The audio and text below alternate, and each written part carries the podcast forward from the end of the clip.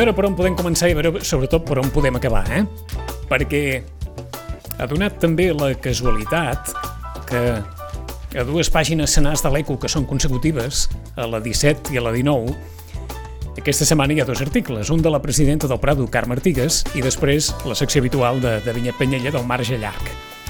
Carme Artigues, i començaré per aquí, perquè probablement Vinyet Penyella em dirà sí, això és així, perquè en el seu dia ja ho va dir Ramon Planes a finals dels anys 60, això. Carme Artigues, en aquest article titulat Cultura 2.0, diu Si bé els esforços de comunicació cada cop són més importants, xarxes, webs, tòtems, banderoles, amb això n'hi ha prou per arribar a tothom? Sabem què ens falta per arribar als municipis veïns i més encara a les comarques veïnes, per no dir a la resta del país o del món, o com arribar simplement al veí del costat? Perquè una de les coses que més em sorprèn és veure que a Sitges la població que es mou i que assisteix als actes i esdeveniments que es fan són massa sovint els mateixos. Vaja, el que deia Ramon Planes fa 60 anys, que anaves a una activitat cultural, anaves a l'altra i acabaves veient més o menys a les mateixes persones. I si n'hi havia moltes que coincidien, veies les mateixes persones repartides. Vinyet Penyella, bon dia i bona hora. Hola, bon dia i bona hora. Això encara és així? Oh, i tant. Oh, i tant, eh? Sí. Costa una miqueta més el micròfon, Vinyet. Sí? Encara és així, eh? Sí, uh, tot i que uh, hi ha hagut alguns canvis, uh, observo alguns, alguns canvis uh, entre els públics, mm, depenent molt del tipus d'activitat que es fa. Això està molt sectoritzat en aquest moment, eh? és a dir, eh, quan en Ramon escrivia no teníem pas una oferta tan sectoritzada i tan repetitiva com tenim algunes vegades a Sitges. Aquest estiu és la bogeria perquè hi ha moltes coses que no se sap d'on surten, n'hi ha que tenen la seva tradició, hi ha innovacions, com per exemple el Festival Dona del Prado, que és excel·lent, és una oferta excel·lent i mo molt innovadora, però també hi ha doncs, eh, bueno, una munió de concerts que finalment no saps Uh, per tant, i, i també hi ha, deixa'm-ho dir, eh, deixa'm-ho reivindicar, un abandonament de la clàssica que fa fredat. Fem una mica d'extrapolació, de, perquè aquesta, gairebé diríem que eclusió d'activitats després de la pandèmia, més o menys és a, és a tot Catalunya això que està passant? Jo crec que sí. A veure, aquí hi ha dos factors, uh, tres. Primera, que no hem après res.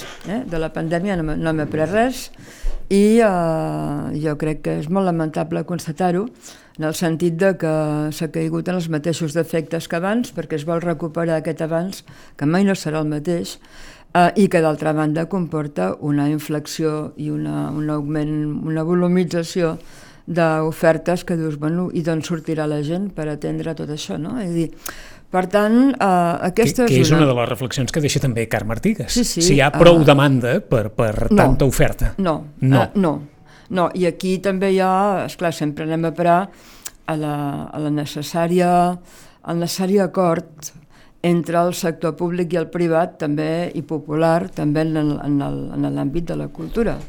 Uh, mira, aquest dissabte, si més no, uh, ens podíem partir en tres trossets. En el sí. cap de la vila, amb els castellers, anar a les 7 a veure el drac i a les 8 a la presentació del llibre de la parròquia. Home, això no pot ser.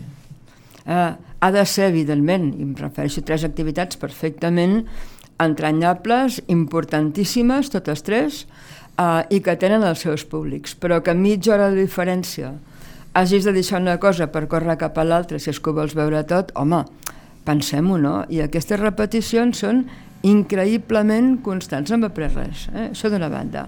D'altra banda, perquè esclar, tothom té ganes de, de respirar, per entendre'ns, uh, i de tornar a veure els gegants, i de tornar doncs, als concerts que anava abans, i d'alguna manera de reprendre alguna determinada forma de vida que fins a aquell moment va funcionar, però que la pròpia pandèmia eh, ha modificat amb canvis diversos. Mm? I això és un tema que veurem no tant en aquest estiu, perquè ja dic una, una inflexió d'actes que no, i d'activitats que no es dona a l'abast, ho veurem jo crec més de cara a la tardor, perquè hi ha sectors que, no, que han perdut públic, altres que s'han de reinventar, és a dir, hi ha tot un conjunt de coses. I després, eh, l'altra causa és que hem de veure, eh, o s'hauria de veure, què és el que realment demana la gent. Què és el que realment demana, i quan dic la gent dic els diversos públics que hi ha, perquè quan diguem la gent ens referim a tot, molt tipus de persones, no? D'on surt la vida cultural, quin impacte té la cultura popular, que en aquest país nostre, Sitges inclòs, és enorme, uh, quin impacte tenen les activitats sobrevingudes, perquè això d'aquí és un aparador molt lluït, però, però molt degradat segons com, i per tant jo crec que hi ha una, una necessitat d'endreçar i de programar eh, que, evidentment, qui ho ha de fer no vol assumir. Mm, reduint-ho molt, el nivell cultural no té a veure amb el nombre d'activitats culturals que organitzes? Uh, els nivells són diferents, i més que nivells diria tipus d'ofertes.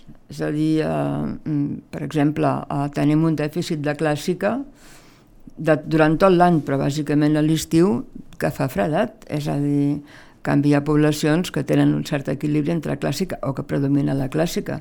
Aquí tenim una llau de concerts uh, de música actual que em sembla molt bé, eh? que jo disfruto, però la veritat és que potser s'hauria d'equilibrar tot això. Després, quan veiem, si és que l'arribem a veure, la liquidació del pressupost de l'any 22 eh, o de l'any 21, doncs eh, hem de ser hem de ser capaços de veure cap on ha anat tot el que és el suport, la programació, perquè realment el fet cultural a Sitges està molt repartit amb caselles i caselletes i no és sempre fàcil distingir què és cultura perquè està molt fragmentat estirem aquest fil tant a Sitges com a Reu, mm, necessàriament la cultura no ha de ser rendible. No, no he parlat mai de rendibilitat, però n'hi ha que és molt rendible.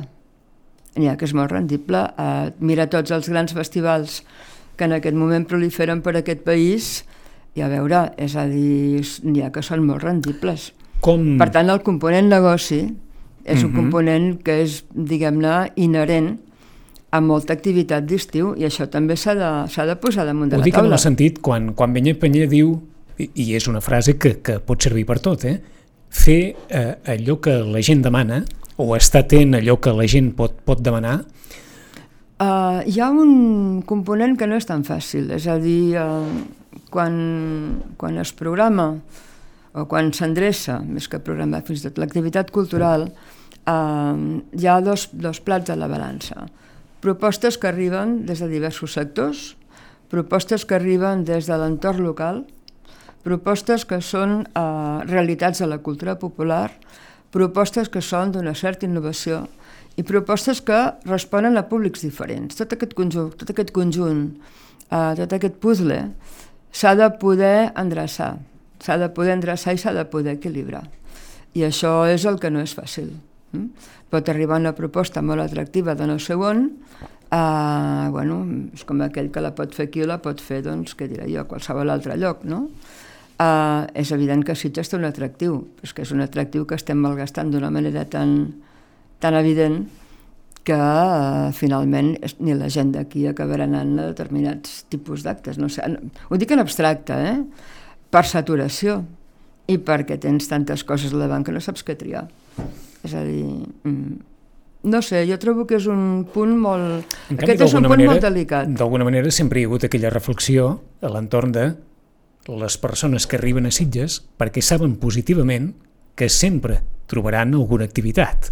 Sí, uh... És a dir, aquesta sensació de saturació, des del punt de vista exterior, també és rebuda per moltes persones en el sentit de tranquils, que anem a Sitges, que alguna cosa podrem fer o d'alguna cosa podrem gaudir. Sí, ens, ens distraurem d'alguna manera. Ens distraurem d'alguna manera. Uh, clar, això, doncs, bueno, en primer lloc, que, que ha d'estar distret és el, la ciutadania local. O sigui, per mi el que és bàsic és que tot el que es faci tingui com a epicentre la ciutadania local, en tots els sentits.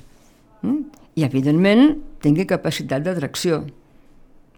Eh, això no es discuteix però no per aquesta capacitat d'atracció has d'obviar la ciutadania local, és a dir, la comunitat, uh, i per mi això és bàsic, uh, però bàsic de Beceroles. I moltes vegades tinc la sensació doncs, de que bueno, es fa perquè s'ha de fer o perquè arriba, perquè no sé què, i dius, bueno, i això uh, la gent d'aquí com ho ha de disfrutar, com ho ha de gaudir, i d'altra banda, jo tinc la percepció que no tot arriba en els àmbits eh, on s'allotgen i on viuen els visitants, perquè si et passeges una mica pels públics, realment tota aquesta massa de gent que omple la platja i alguns dels carrers de la vila no la veus tampoc, eh? És a dir, per tant, diguem-ne que hi ha sectors bastant endogàmics. Mm, des de la perspectiva del, del Conca, això passa a altres llocs? Això està sent bastant generalitzat? Home, a veure... Aquesta uh, inflació d'actes respecte a la demanda hem, que hi pugui hem haver? Detectat, hem detectat una cosa, que un, un fet que, que a més a més penso que formarà part de, d'algun àmbit de reflexió de cara a la propera tardor i l'any que ve, que és aquesta proliferació de festivals. Mm? Uh, i veure realment a què es deuen. És a dir, mm, per exemple... D'allò de copiar i enganxar des de l'Empordà fins a l'Ebre? Uh, copiar i enganxar i sobretot, uh, bueno, mm, mm, entitats o empreses que, s'adonen que això és un, un pou de negoci i, i no ho desqualifico, em sembla important. Mm -hmm. I llavors, doncs, bueno, mm, munten uns paquets que doncs, te'l fan això des de Cadaqués fins a, mm -hmm. jo què sé... Que el fan arribar a la institució no? de torn i diuen, Home, potser, proposem això. Sí, això no està malament, és a dir, sempre s'ha fet així, s'han fet gires, és a dir, però en aquest moment, diguem-ne, que això prolifera molt. I després hi ha festivals... Sembla marca... que tothom necessita un festival, no? Exacte, exacte. Posi un festival I després n'hi ha marca estiu. pròpia, que potser no mhm. -huh. són tan promoguts, però que responen a una determinada manera de veure aquestes realitats creatives i artístiques que eh, mereixen tenir doncs, segurament molt més públics i molta més promoció. I aquí també hi entra un fet econòmic. No és el mateix tenir un sponsor amb moltes possibilitats de fer pàgines de publicitat als diaris o a les pancartes o a les televisions eh, informatives a les pantalles de por ahí, que doncs, un festival que té un, un naixement més local i que obeeix a no sé què. Mm. Uh, no sé, jo com a festivals, per exemple, uh, citaria justament un que es va estrenar ahir, que és el d'Ensàneu, de les Valls d'Àneu, del Pirineu, que és un festival nascut des d'allà mateix, és a dir, i que té unes finalitats molt concretes en relació amb la cultura popular en tots els seus àmbits i que ha anat obtenint un prestigi i un èxit creixent no només entre les Valls d'Àneu i el Pirineu, sinó també en altres llocs de Catalunya, perquè se sap de gent que hi va cada nit i ho espera, però no ha fet més que créixer i promoure. Aquest és un model, si vols, molt adaptat a les circumstàncies, però creixent i a més a més eh, que ha sabut crear un públic i sobretot que ha sabut crear una eh, visió molt innovadora del que és la cultura popular i les arts. No? Ara ens ficarem en un moment en, en l'informe, però, però abans, com en altres àmbits, la cultura també vol arribar a les xifres del 2019? O uh, això és un, no sé, un objectiu que s'ha de perseguir o uh, ha d'anar d'una altra manera? No, jo crec que la cultura s'ha de resituar en les, en les dades que aquest 2022 uh, tindrem i sobretot ha de repensar aquest canvi de paradigma perquè l'abans ha desaparegut, no és el mateix. És a dir, aquests dos anys se'ns han cruspit moltes coses. I aleshores algunes les volem recuperar uh, i altres, doncs, uh, no és que s'hagin perdut pel camí, han canviat les circumstàncies. Posaré un exemple.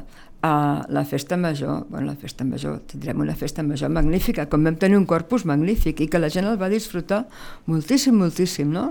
Uh, això no només es recuperarà, sinó que anirà creixent, anirà canviant, com sempre ha estat pel que fa a la nostra cultura mm -hmm. popular a Sitges. I això mm? gairebé no ho dubtava ningú, no. amb els ulls tancats, no. l'any 2020 algú no. podia dir, quan tornem no a la normalitat, a això serà de por. És que ara, per exemple, tenim un centenari del drac, que centenaris dels nostres, uh, les nostres icones populars no les, no els teníem.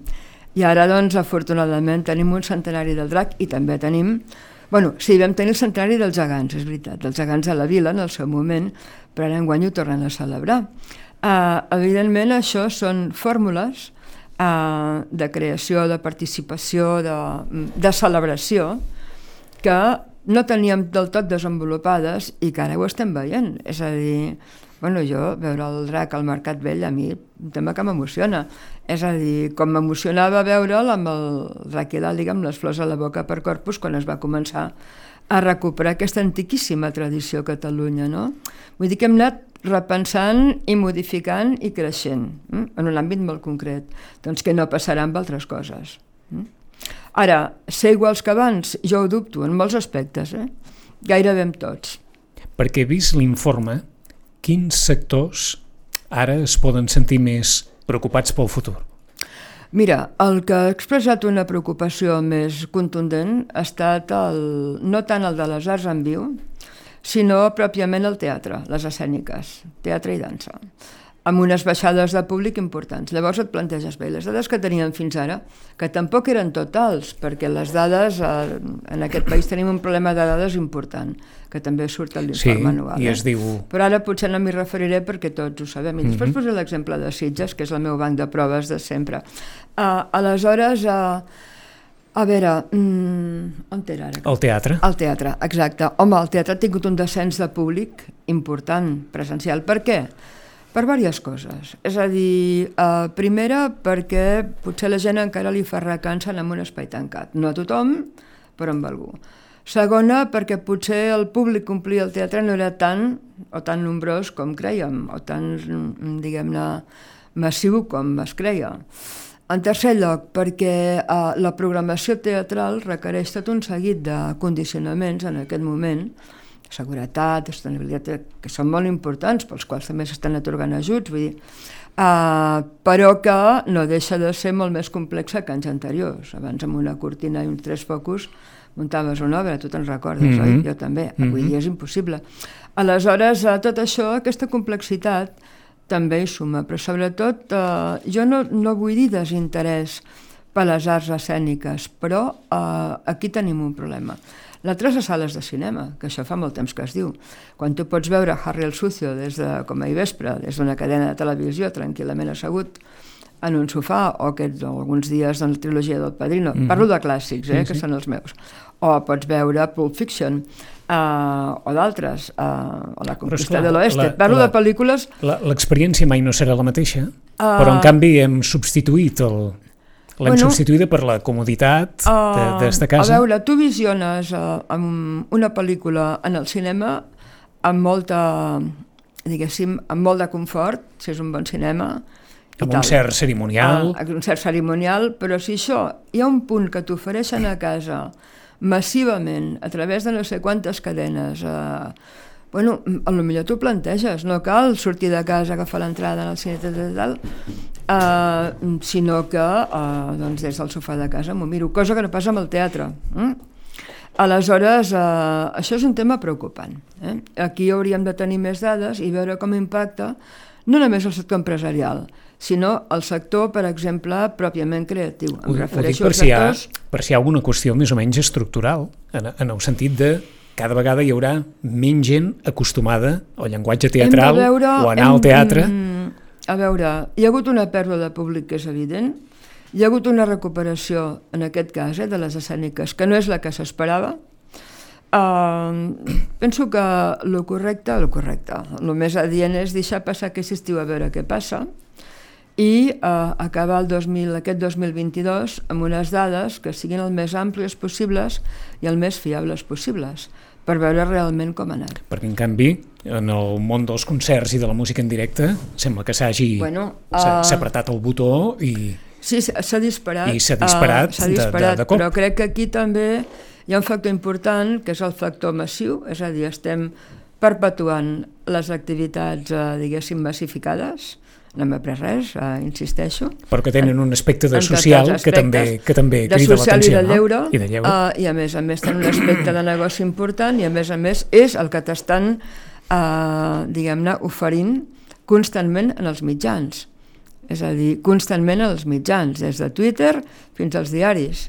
No, no et parlen d'altres coses. Per tant, hem de veure aquesta oferta com incideix en els públics, eh, que evidentment hi ha tot un tipus de públic que és el que està agafant el relleu del públic anterior, que és el compra als festivals. Ja no dic el clàssic com el canal de mhm. Canet, mm -hmm. dic tots els altres. Mm? Per exemple, els concerts d'estiu a Barcelona, com el d'Init amb la Rosalia, ha fet furor. Bueno, jo aquest matí m'he fet un tip de veure comentaris. Sí, sí, sí. Ja està molt bé. Uh, però bé, mm, aquest és un tipus de, de, de públic... I no, I no sé si des del món cultural alguns ho poden veure amb aquella barreja entre, entre enveja, perquè és evident que, que qualsevol persona pugui agradar més o menys Rosalia, veu aquesta capacitat de connectar amb tota una generació, amb, amb multitud uh, de ah, públic, sí, sí, sí, que, sí, que potser sí. alguns fins i tot senten una certa, una certa gelosia de dir, en fi, com, bueno, com... això uh, ha passat sempre, és a dir, uh, hi ha gent que triomfa uh, i a més assaboreix el triomf, el gestiona bé, jo crec que la Rosalia uh, fa una bona gestió de la seva imatge, etc.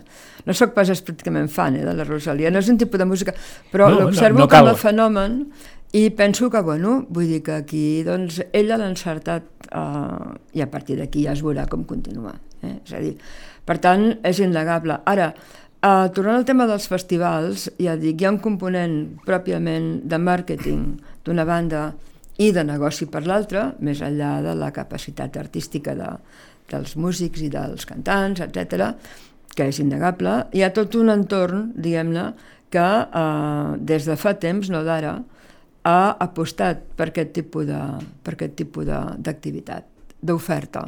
I això es veu aquest estiu, clarament i netament que és un estiu de festivals a tot arreu. A tot arreu, és a dir, tant el pots fer aquí com... Si, és igual, és, vagis on vagis te'n trobes un. Mm -hmm. Com els dèiem, l'informe té 182 pàgines, l'informe del Conca Hi ha parla, un resum executiu, eh, que consti. Parla de tot, uh, coses que, que ens han cridat l'atenció uh, al llegir-ho i, que, i que deixarem anar com ítems perquè si no no acabaríem mai. Bé, una que és evident, el cinema en català està sota mínims.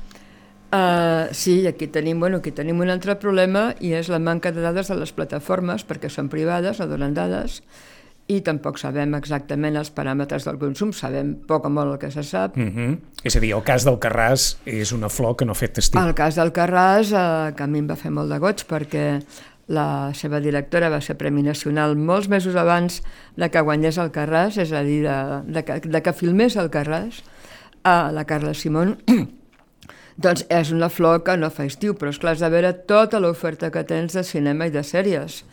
Clar, català, eh, o si entra eh, a sac amb el tema de la llengua i del doblatge, o desapareixerà, esperem que no. I en aquí, per exemple, TV3 té molta feina a fer la corporació, que no fa, d'altra banda. Ara ens hi eh? posarem amb la llengua, És a dir, però... les televisions públiques, eh, en aquest sentit, eh, mm, penso que presenten un dèficit de, uh, en aquest sentit. No? En canvi, el llibre en català, i ho diu així textualment l'informe, és una indústria cultural que fa goig. Però a mi m'ha cridat l'atenció una producció d'11.000 títols de mitjana en un any. I que els que, que llegim és, no donem a l'abast. És que, que és normal 11.000 títols de mitjana uh, en un any. Ah, bé, jo he llegit uh, últimament entrevistes amb escriptors, no tant amb els editors, que els editors és el seu negoci. I estem parlant uh, de llibres en català, en català. eh, només? Uh, dient que es publica massa. Oh, esclar. Uh, aleshores uh, tenim lectors per tants títols. Jo no ho sé, és a dir, també el món editorial és, és un que món... són gairebé 200 títols per setmana, eh? Ho sé, ho de 53 sé. setmanes sé, que té Si tu vas a una llibreria cada no sé quan és que no i tu trobes tot canviat i no trobes llibreria de fons, ah, uh, etc. no? Jo en aquest sentit uh, ho he de donar per bo, en el sentit de que hi ha creativitat, les qualitats són diferents. Fa poc vaig fer de jurat en els Premis de la Crítica de Serrador, que es proclamaran el 5 d'octubre, i vam tenir reflexions molt, molt adients sobre aquest tema i em va encantar perquè eh, la resta dels meus companys de jurat eren gent molt més jove que jo, vull dir que ara ja em trobo en la fase sènior, uh -huh. cosa que m'encanta, uh, perquè tens molt per aprendre d'aquesta visió crítica de la gent que té criteri i comentàvem coses d'aquest tipus, no? És a dir, uh, bueno, a partir d'aquí hem de veure on, on hi ha el component cultura i on hi ha el component negoci. Mm? Uh, de moment funciona. Poden anar, anar els dos de la mà, no? El anar va. Eh? Poden anar els dos de la mà.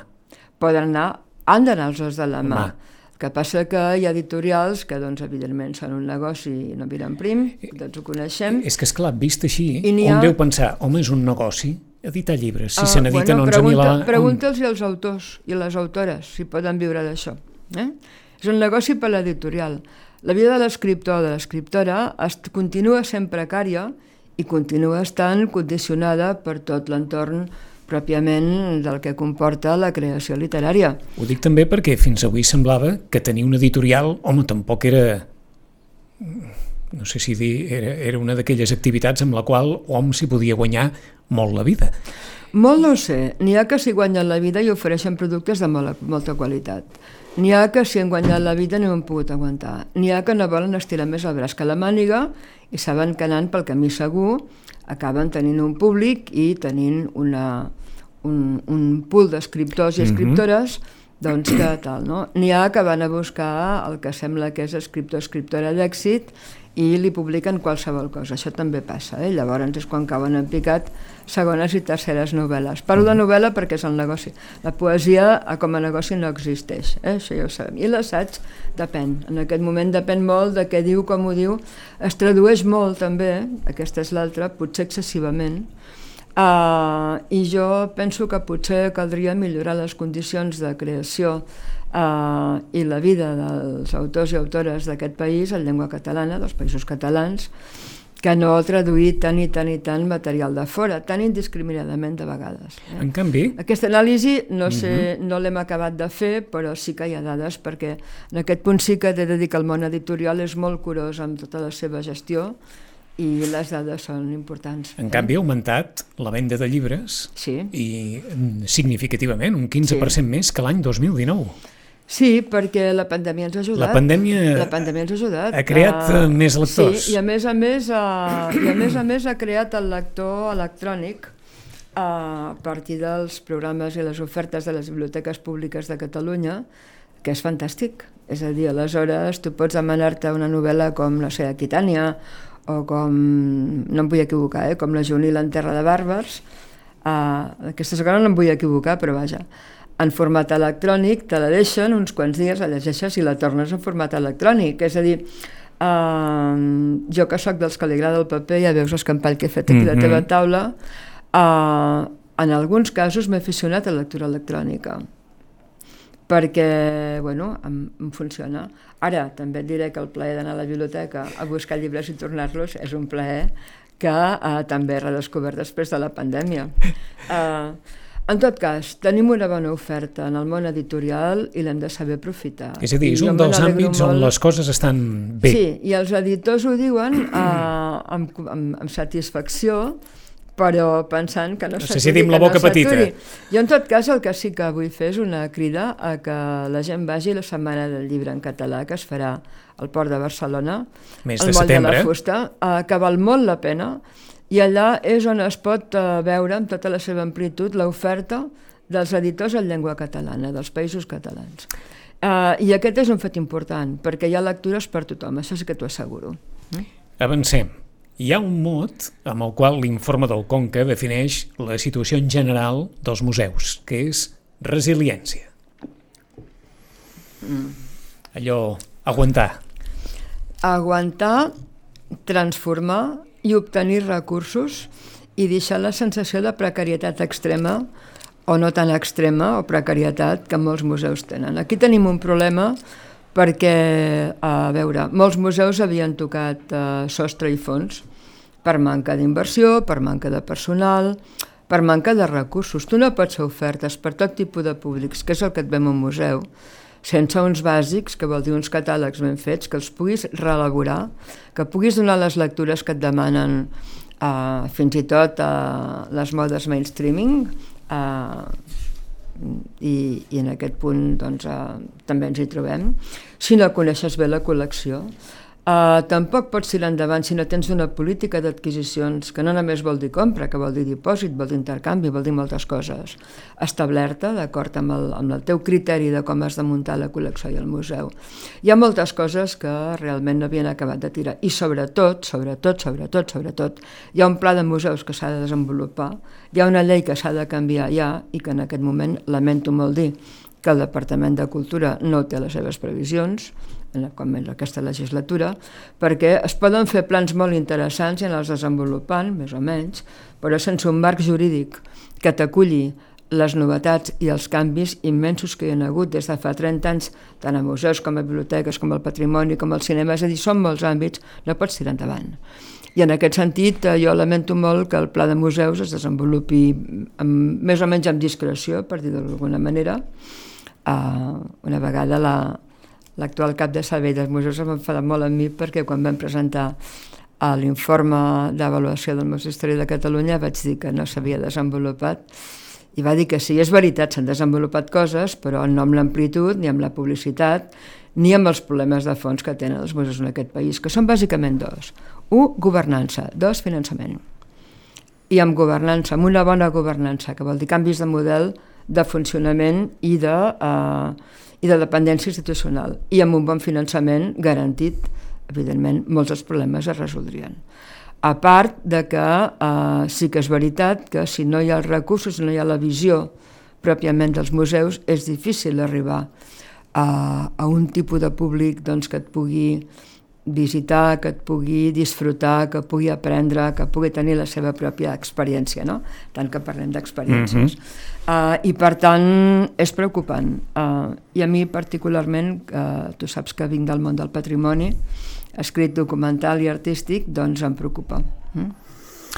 10 i 44, com que ens ho ha posat en safata, i fins on pugui dir, Pinyet Panyella dirà alguna cosa sobre el concurs a la direcció dels museus de Sitges quan tot això acabi? Bé, eh,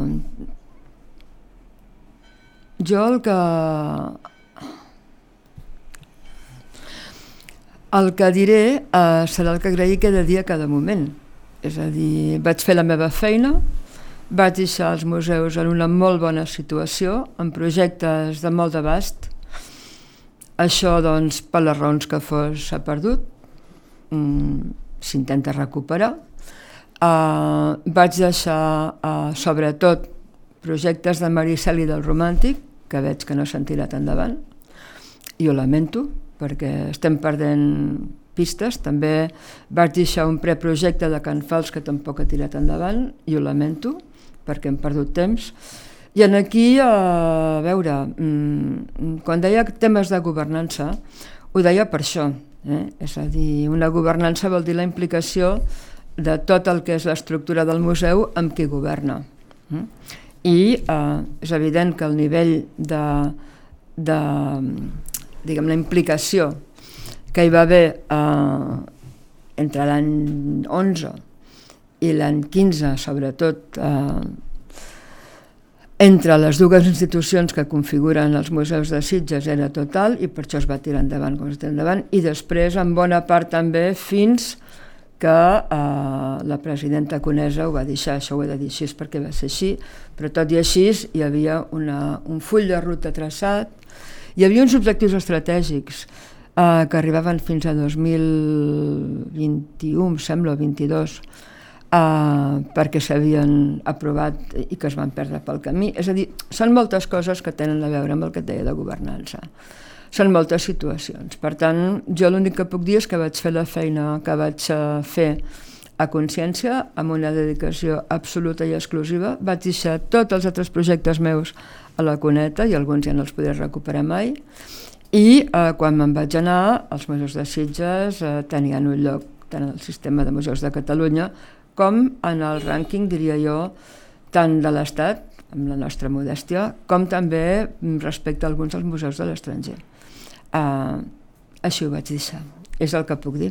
Ara que parlàveu de governança, recordem un article a La Vanguardia on parlava de tants museus de Catalunya que esperen sí, sí, direccions sí, perquè, que esperen... Sí, perquè les administracions eh, són molt curioses respecte a això, no? Uh, I en aquest sentit, Sitges ha tingut sempre, des de 1939, vaja, des de que, va, des de que van depurar el director Folqui Torres, això sí que ho he de dir, mm?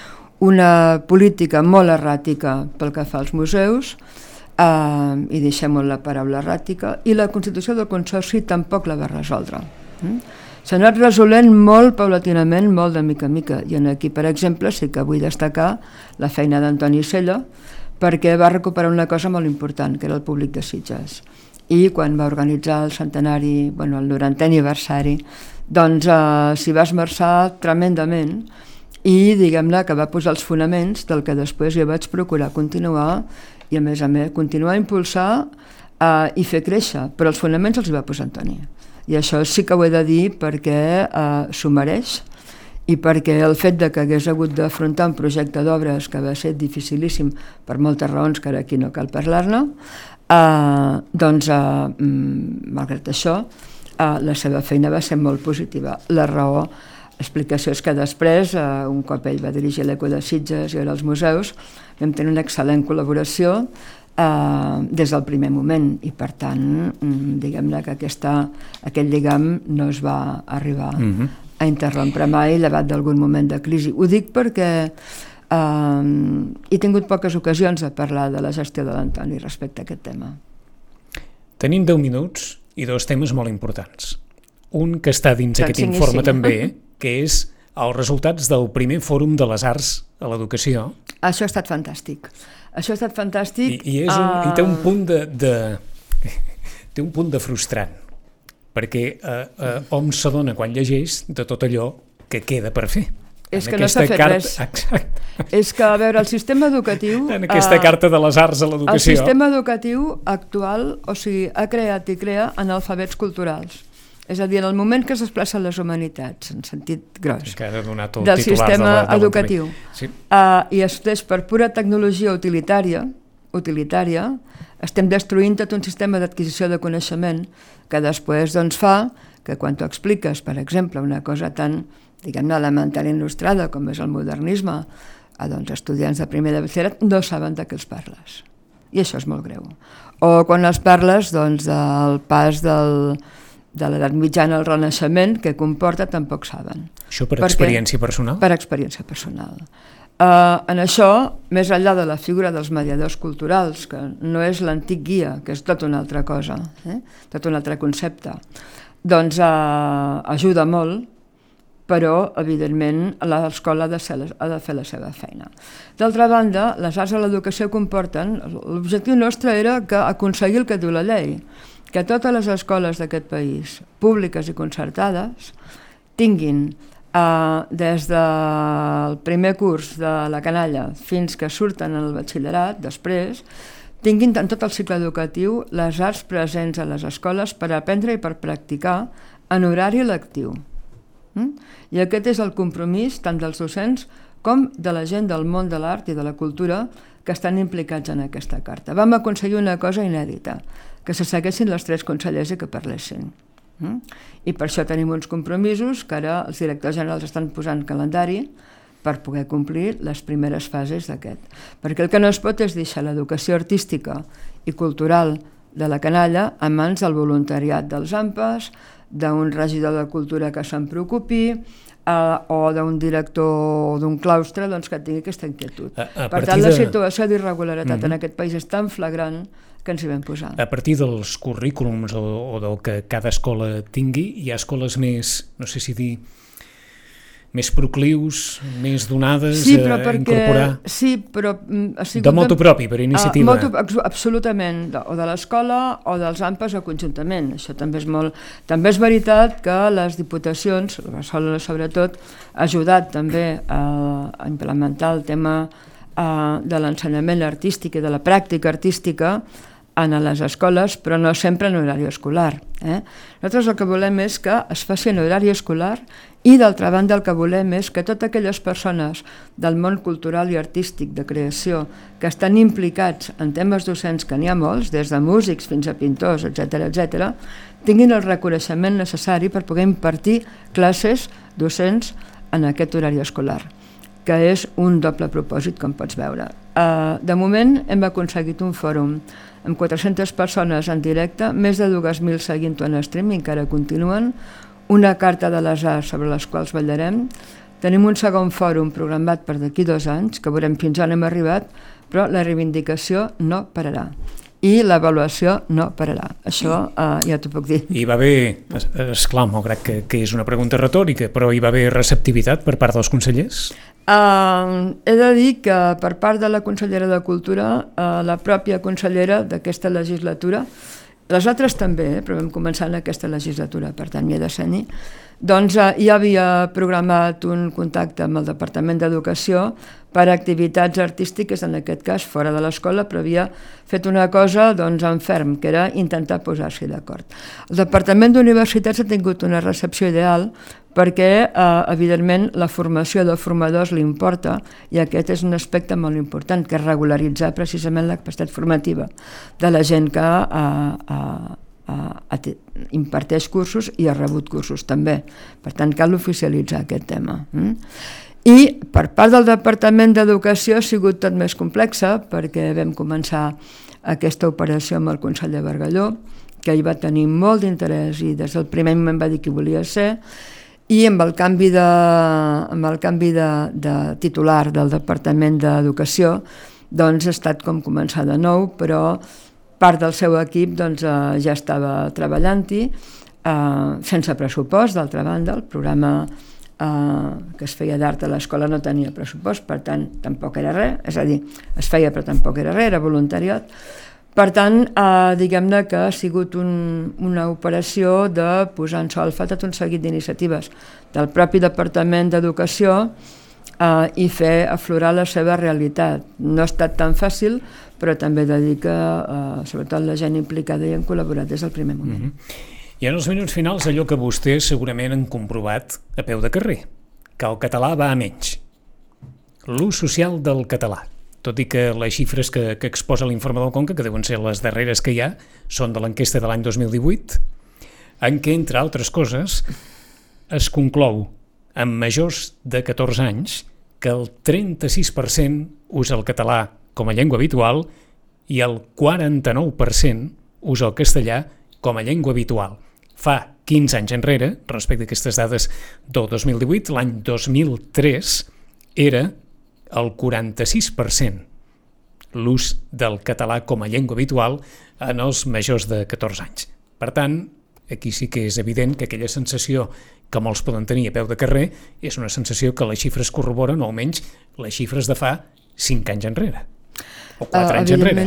Evidentment és, és una preocupació uh, evident i compartida i penso que són moltes les causes. D'una banda, ha tingut un augment de població eh, diguem-ne que a nivell d'escola s'ha procurat la seva integració, que per aquí es comença, és importantíssim, i que, eh, evidentment, doncs, encara en molts casos està en fase de desenvolupament. Veurem com va això. D'altra banda, hi ha uns entorns socials doncs, que no sempre faciliten eh, la, la pràctica del català i també doncs, eh, hi ha un, un, alguna qüestió ja més inherent a la pròpia societat, no? és a dir, fins a quin punt s'ha deixat de considerar important l'ús de la llengua pròpia. En aquí podem tenir molts matisos. Aquest pla que en aquest moment porta a terme el Departament de Cultura, doncs esperem que funcioni en tota la seva magnitud però jo crec que el tema del català és un tema que també eh, és com els llibres que es venen d'un en un, no? Per tant, eh, diguem-ne que la, la, el guany de catalanoparlants en la vida quotidiana, en l'ús social, uh mhm. -huh. eh, doncs també és un tema doncs, que mm, també arriba a les individualitats, no? Uh, um... eh, I a la seva recepció, i a la seva voluntat, i en el seu... I la veritat és que eh, tenim exemples de tota mena, és a dir, de tota mena. Uh, hi ha gent que fa l'esforç, hi ha gent que no el fa, gent que té oportunitat, gent que no en té, i per tant s'ha de veure, mm, de treballar de la manera el més, uh, el més eficaç possible, però en àmbits molt diferents eh? I, en societat, i, en, i en elements molt diferents. Per exemple, aquí a Sitges, home, la presència del català en el món turístic és lamentable, lamentable. Ho dic perquè és el que veig, eh? és a dir, des de cartes d'hotels i restaurants, etc. no? Home, doncs a veure, mm, ho dic perquè és el que el visitant veu més. Mm? I, a més a més, l'ús del català en molts establiments doncs, brilla per la seva absència. Uh, jo no vull dir que doncs, un hagi de ser tremendament exigent i tal, no, però sí que hi ha d'haver una cosa dir, escolti, a veure, vull dir, per què no, per què no em fa la carta en català? O per què no no sé què, no? Uh, o per què em diu que no m'entén si demano un tallat? Vull dir, Parlo d'anècdotes, no? Mm -hmm. uh, això passa en poblacions turístiques, eh? no només a Sitges, vull dir que no, no estic desvetllant cap secret. Però a mi sí que m'agradaria que hi hagués un plus. Un plus de uh, valoració de la llengua pròpia d'aquest país, que és el tema, no? La llengua pròpia d'aquest país és el català. Eh? Després hem acabat parlant en castellà per un seguit d'imposicions històriques que tampoc no cal, no cal recordar. Però, a veure, mm, jo vaig ser la teva profa de català, no? Eh? Vull dir, en tenim un bon record. Doncs jo em vaig llicenciar en llengua catalana perquè segon de carrera, segon de carrera, no sabia uh, res de la... Sabia coses per cultura popular, eh? per la cultura popular de Sitges, però sabia molt poc de la història cultural del meu país. Si no, jo crec que seria una historiadora, historiadora de l'art o una excel·lent llicenciada doncs, en llengües eslaves, m'agrada molt el rus, vull dir, o en germàniques, però no la llengua del meu país, el que tu vas aprendre a col·le. Bueno, el que, el que tu vas aprendre, perquè jo et vaig ensenyar molt poquet, eh? vull dir, només un curs, ah, però per mi és una experiència. No? Un curs que també mereixeria un llibre, eh? Sí, i tant, oh, i tant, algun dia el farem. Uh, la veritat és que, a veure... Aquella, el... aquella sensació de si... És clar, entre aprendre una llengua o acostar-s'hi, per al sentit de, mm, de trobar-li un valor I dos o d'estimar-la. fins i tot, no? És a dir... Però aleshores, persones que creguin que a més de trobar-li un valor és important saber-la, però en canvi que també hi hagi moltes persones que han acabat, no sé si dir, assumint un cert rebuig perquè entenen que és obligat parlar. A més de... Jo sempre penso en una cosa molt elemental. A tot la llau de treballadors espanyols que van anar a treballar als anys 50 a Alemanya i a Suïssa uh mhm. -huh. van aprendre alemany els seus fills també. Senzillament. És a dir, i a més a més, sempre em meravella trobar algú que diu no, és alemany perquè els meus pares sí, jo sí, vaig sí, néixer sí, a sí. següent, no? I, bueno, sempre ho he comparat amb això d'alguna manera, no? Uh, és a dir, bueno, mm, vius i treballes en un lloc que té una llengua pròpia. No hi ha d'haver rebuig, hi ha d'haver capacitat de coneixement, perquè el coneixement en aquest sentit és ampli. En el disc de les persones ens hi caben moltes Dic, coses. Perquè, no? és clar, s'acosta una llengua a una persona d'una manera molt diferent, si s'hi acosta per interès, si s'hi acosta per valoritzar o si s'hi acosta per obligació. Mm. Bueno, obligació, l'obligació és moral. Perdó. Ara, evidentment, si tu vols treballar al sector públic, eh, doncs has de saber llegir i escriure la llengua pròpia d'aquest país del qual tu estàs al sector públic. Aquí a la Xina bueno, el Xina sí, sí, no sé, té... però mira França, però, però per clar, exemple, sí, sí. mira França, és a dir, a veure, jo crec que valorar la llengua pròpia d'un país mereix un plus i aquest plus és la disponibilitat de tothom, és a dir, eh, i en aquest sentit mm, cal fer molts esforços de moltes menes, molt, moltes vegades a nivell d'actitud, però quan parlem de col·lectius, doncs també a nivell de col·lectiu. I en això jo crec que és imprescindible que, hi ha, que, que els col·lectius donin l'exemple. 11 i un minut, eh, diuen que la tardor serà difícil, però el món cultural també ho serà? Jo crec que serà complexa, és a dir, més que per uns que per altres, però ja dic, jo pel que fa a l'estat de la cultura actual, espero arribar a final d'aquest any 22, tenir més dades i veure si es confirma aquest paradigma de canvi, que crec que sí, però és el que creiem més d'intuïció que per dades certes. I aquest canvi, evidentment, afectarà tant la realitat com l'oferta, com la planificació, com les dotacions pressupostàries, que no n'hem parlat, però vull dir, n'hem de parlar. Hi ha molts números eh, en aquest informe també uh, sobre... Uh, és clar, és que si miren els números també es frustraran sobre la inversió que es fa en cultura. Sí. Uh, I en aquí també uh, m'agradaria fer un, un parèntesi. Jo sempre agafo sitges com a banc de proves. Mm? i m'ho estudio bastant. A mi em falten dades de Sitges, és a dir, falten, falten vull dir... Eh, quan veiem, per exemple, els acords municipals eh, en el web de l'Ajuntament el dimarts i parlem d'esperar de subvencions, tal, no es diuen les quantitats, i s'haurien de dir perquè tinguem una idea del que està invertint l'Ajuntament en cada cosa, hm? bàsicament en cultura. I més igual la regidoria que sigui, perquè dic, està tan fragmentat en aquí que hem d'anar a tres o quatre regidories, alcaldia inclosa, per veure com es van gastant, com es van invertint. Si dic gastant, l'Elisabet Pérez em renyarà que em va renyar el repensar Sitges i per tant ho he de dir bé, s'estan invertint, s'estan uh, dedicant diners a la cultura en tots els seus aspectes i uh, trobarem que hi ha dèficits molt importants. 11 i 3 minuts. Com deia, era Machado allò, eh? És de necio confundir valor con precio. Exactament, i tant. Hi ha Madre coses que Dios. tenen un valor incalculable. Madre de Dios. I Vinya el- Penyella, gràcies. Gràcies a tu, bon dia.